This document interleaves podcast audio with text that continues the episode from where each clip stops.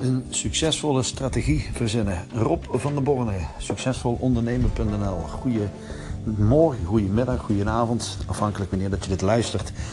Um, ja, een succesvolle strategie uh, verzinnen. Uh, hoe doe je dat? Hoe zorg je er nou voor dat je klanten, nou ja, automatisch, klinkt dan zo zwaar, maar op een geautomatiseerde manier naar jou toe komen? Want daar gaat het natuurlijk om. Niemand heeft er zin in om uh, klanten na te jagen. Niemand heeft er zin in om ja, te pushen zeg maar, met zijn marketingboodschap. Niemand heeft er zin in om vervelend over te komen. Dus hoe fijn en hoe mooi is het dan als dat je iets kunt maken waardoor dat je klanten naar je toe komen. En dat heeft dus allemaal te maken met jouw marketingboodschap. Want door al het grote uh, aanbod wat er nu op dit moment uh, te, uh, verschijnt, is het heel belangrijk om op te vallen. En daar gaat het eigenlijk om. het omzet maken begint met opvallen, las ik laatst ergens. Ik denk, ja, daar zit eigenlijk wel wat in. En hoe kun je dan opvallen? Nou, ik ga je daar in deze podcast een aantal tips over geven hoe dat ik erover denk. En wat ook gewoon werkt, zowel voor mij als voor mijn klanten, zodat je daadwerkelijk ook die klant gaat aantrekken waar jij zo graag mee wilt werken. Want daar gaat het om. Kijk, in coachend Nederland, zeg maar, en dan bedoel ik alle trainers, alle coaches, alle adviseurs en alle uh, uh, consultants mee in Nederland en in België. Dat zijn er ontzettend veel. En dat komt misschien ook omdat het een fantastisch businessmodel ook is. Het is ook een fantastisch verdienmodel natuurlijk. Als dat je opereert in, in die werkwijze, waar dat je uitsluitend uh, eigenlijk je kennis toepast. Ja, dat is, dat, is, dat is machtig mooi. Ik zal er nog een andere podcast een keer over maken. Waarom dat, gewoon een heel fijn verdienmodel is. Um, dat zijn er dus daarom ook ontzettend veel. En sinds de crisis uh, in 2008, zeg maar 2010, zijn er ontzettend veel mensen bijgekomen. Uh, heel veel werknemers zijn al dan niet gedwongen zelfstandig geworden. Dus die zijn zelfstandig ondernemer geworden. Heel veel mensen hebben toen nog gemerkt dat het heel lastig is op de arbeidsmarkt om er weer opnieuw tussen te komen. Om ja, toch ook weer een nieuwe baan uh, te krijgen, om een nieuw aanbod te krijgen om ergens in een bedrijf te werken. Ik denk heel eerlijk gezegd dat dat wel weer een beetje gaat veranderen. Uh, deze podcast is gemaakt op 20 september 2017. Uh, je hoort links en rechts, uh, ook natuurlijk gisteren op Prinsjesdag, dat de economie wel wat beter gaat. Ik merk dat ook wel links en rechts, dat, dat die stroming een beetje loopt. Dat betekent ook dat meer mensen gewoon uh, gemakkelijker een baan gaan krijgen. Dus dan is de leeftijd ook weer wat minder belangrijk. En, en ja, goed, uh, ondernemers durven weer wat makkelijker mensen aan te nemen natuurlijk.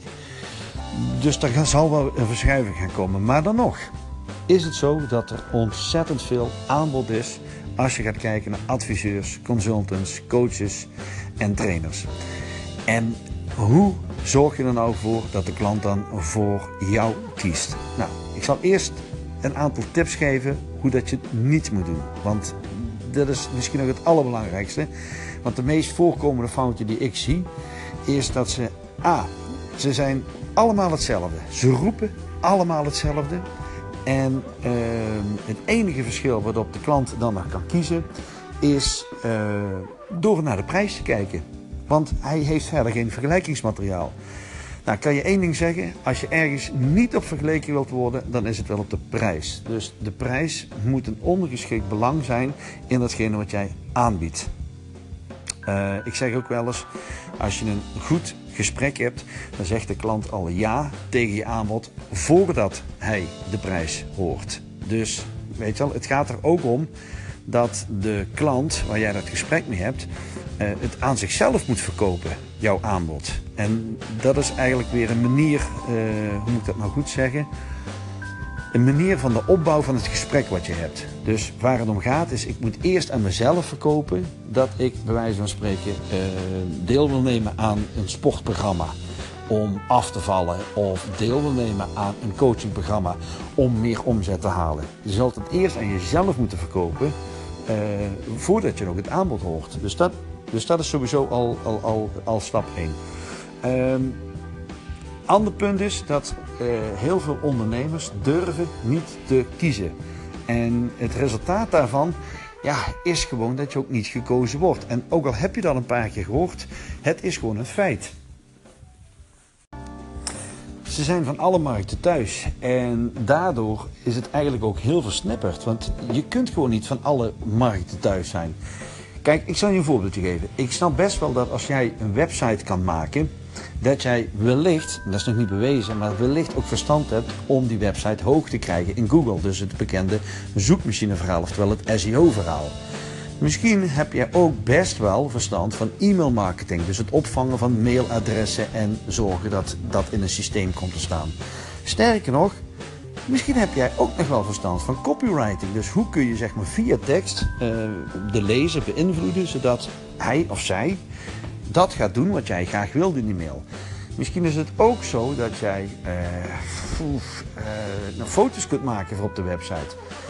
Maar dat zie ik te vaak langskomen. Weet je wel, dat je een all-in-one pakket kunt krijgen. En ja, een all-in-one pakket klinkt op zich heel interessant uiteraard. Want ja, dan is het het one-stop shopping uh, idee wat erachter zit. Ik heb één partij waarbij ik alles uh, kan neerleggen. En die gaat er dan voor zorgen dat, dat mijn hele pakket compleet is.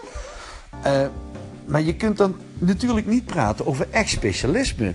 Je kunt niet echt zeggen van ja, ik heb hier een zoekmachine-expert, of ik heb hier een e-mail-marketing-expert, of ik heb hier een copywriting-expert, of ik heb hier een gespecialiseerde fotograaf. Um, bij fotografen zie ik dat sowieso. Hè? Een, een, een, fotograaf, die is, uh, daar kun je vaak een portretfoto bij maken. Dus een zakelijk portretfoto, maar je kunt ook een familieportretfoto maken. Hij kan ook een productfoto maken. Hij kan uh, een presentatie uh, aanwezig zijn om foto's te maken. Uh, wat zag ik laatst weer?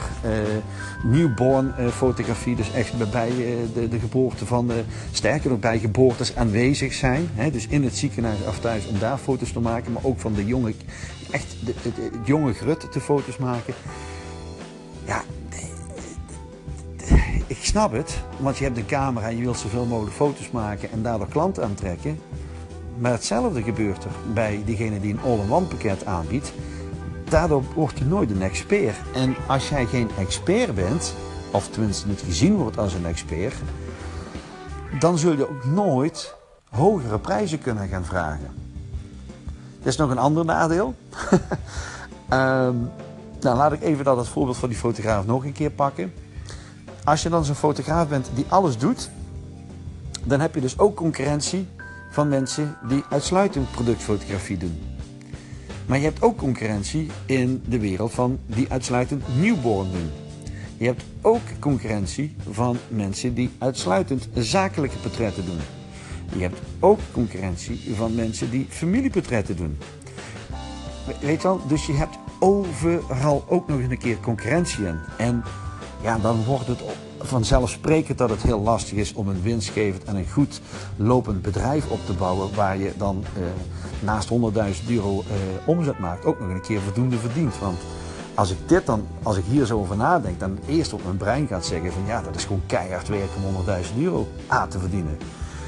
Dat is dus allemaal niet nodig. Wat is dan wel een goede strategie? Nou, een goede strategie begint in eerste instantie, uh, wat ik dus ook doe met mijn klanten, is gaan kijken wie is jouw meest ideale klant. Ik heb het al een paar keer uh, in de podcast erover gehad en ook op mijn blog. Ik noem dat dan de MIC. Uh, ik ben gek op afkortingen. Uh, dat is een tikje wat ik heb overgehouden van mijn diensttijd, zeg maar. maar je meest ideale klant. En dan begint het. Dan beginnen de spanningen. Dan begint ook het, het zenuwachtige wordt dan zichtbaar. Want ho, dan moeten we gaan kiezen. En als we gaan kiezen, dan gaan we verliezen. het werkt juist andersom. Op het moment dat jij ehm, gaat kiezen voor newborn fotografie of voor productfotografie, wilt natuurlijk nog niet zeggen dat je geen portretfoto's kunt maken. Dat snapt iedereen. Iedereen snapt dat jij ook uh, van een event foto's kunt maken. Maar laten we even eerlijk wezen. Het vraagt natuurlijk een ander inzicht of jij een event fotografeert dan een newborn fotografeert of een portret fotografeert. Um, dat is hoop ik toch wel dat je dat al, al heel snel begrijpt en ook inziet. Dat elke foto anders gemaakt dient te worden met een ander inzicht.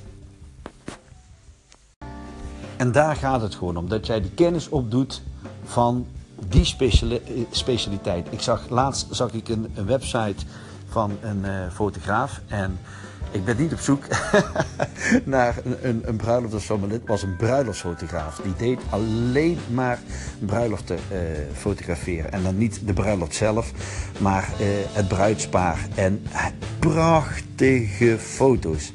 En toen was ik ook meteen aan het denken van ja, maar dat is toch logisch, want hij heeft zich daarop toegelegd. Hij liet foto's zien eh, van locaties waar ik denk, waar is dit eigenlijk? En het, sterker nog, dat was ook nog eens een keer allemaal bij mij in de buurt, weet je wel. Het, was, hij, het is een fotograaf die bij mij vlak in de buurt zit en die heeft zich daarop gericht. En je kunt je voorstellen dat als alles klopt dan, Weet je wel? Ik bedoel, zijn website klopt dan. Want, hij had ook echt die uitstraling van ja, de, jonge bruidsparen die, die daar stonden. Uh, wat dan ook uh, klopt natuurlijk, is de hele entourage daaromheen. Hij heeft talloze foto's van voorbeelden van bruidsparen. Prachtige foto's op geweldige, schitterende locaties. En dan denk ik van, dat is het. Die foto's die springen er zo uit, omdat hij heeft zo'n focus op die niche want ja, eh, ik heb niet het idee dat er meer bruiloften komen de laatste jaren. Maar goed, misschien is er weer een trend gaande, wat ik niet in de gaten heb. Maar hij heeft zich daarop durven toe te leggen. Kan hij ook foto's maken van mijn kinderen? Ja, natuurlijk kan hij foto's maken van mijn kinderen. Maar misschien vindt hij dat ook niet leuk. Of misschien heeft hij inderdaad al op tijd begrepen van ja, maar ik kan me veel beter ergens in specialiseren. En gelet op zijn prijzen en op zijn tarieven is hij ook duurder. Maar denk je nu echt dat het iets uitmaakt of hij een hogere prijs vraagt voor die ene bijzondere dag. Of dat moment dat de, de geboorte plaatsvindt. Of dat jij zegt, ja, ik wil geweldige foto's voor mijn zakelijk eh, profiel en, en, en performance voor mijn site. Maakt dat dan echt iets uit dat iemand duurder is? Of denk je dat heel veel mensen, klanten, zich dan het beste gunnen wat ze kunnen betalen? En dat is het. Dus door te kiezen maak je ook vanzelf een goede um, strategie. Ja, niet vanzelf, dat is niet waar. Maar dan kun je veel gemakkelijker een goede strategie opbouwen. Ik doe dat uh, met mijn, uh, ja, ik ben nog een beetje aan het zoeken naar, naar het, maar het is een businessmodel wat ik heb gecreëerd, op, gebaseerd op 7 P's. En met die 7 P's komt vanzelf de achtste P naar voren toe en dat is je Big Promise. En de promise gaat erom wat jij belooft en garandeert aan jouw klanten. En dat positioneert je al totaal anders. Ik doe dat nu zeg maar met mijn coachingprogramma. Daarin geef ik aan dat, ik uitleg hoe dat mensen, zoals een trainer, een coach, consultant of een adviseur, 100.000 euro kunnen verdienen. Dat is een straffe, sterke belofte. Kan ik dat waarmaken? Ja, daar sta ik gewoon 300% achter. Sterker nog, eh, ik ben heel zwaar aan de om dat te gaan verhogen, dat bedrag. Want als ik zie welke resultaten dat mijn klanten boeken, dan denk ik van ja, dat is gewoon nog veel meer. En ik heb er al eh, op verschillende plaatsen de plus achter gezet, weet je wel. Het verdubbelen van je omzet garandeer ik naar 100.000 euro, naar minimaal 100.000 euro plus. Dat is gewoon heel sterk. En ik geef ook heel duidelijk aan voor wie het is. Is het voor een directeur van een technisch bedrijf? Nee. Is het voor uh, een trainer in uh, sales trainingen? Yep, daar is het bijvoorbeeld voor. Is het voor een personal coach? Ja, die kan ik ook helpen. Is het voor bijvoorbeeld een consultant in financieel advies? Ja hoor, komt u maar, ik kan jou helpen. En daar gaat het om. En dan is het nog een vrij breed publiek natuurlijk wat ik dan aanspreek. Maar door hem te benoemen en door de belofte waar te maken, spring ik eruit en daardoor komen de mensen dus op mij af. Want daardoor worden ze getriggerd. Ze weten dus van wat het resultaat is wat ik ze bied en voor wie het bedoeld is. En daar help ik dus ook mijn klanten mee. Want ik merk gewoon dat bij mijn klanten dat heel lastig is om dat voor zichzelf heel duidelijk te krijgen. En dat kun je echt in heel veel, heel korte tijd kun je dat realiseren. Eh, eh, daar wil ik je ook mee helpen. Wil je er meer over weten? Ga dan naar excellentondernemen.nl. Daar kun je een gratis strategiegesprek eh, aanvragen. Ik kijk ook uit naar het gesprek met jou. Is gewoon vrijblijvend, zowel voor jou als voor mij, om te kijken van hebben we een klik? Kan ik je helpen? Ik zal je altijd een paar tips aan de hand doen, hoe dat ik daarover denk. En ja, ik gun jou ook dat goede inkomen. Dus ga daar eens naar kijken. Wederom, bedankt voor het luisteren. Rob van de Bonen en tot de volgende keer.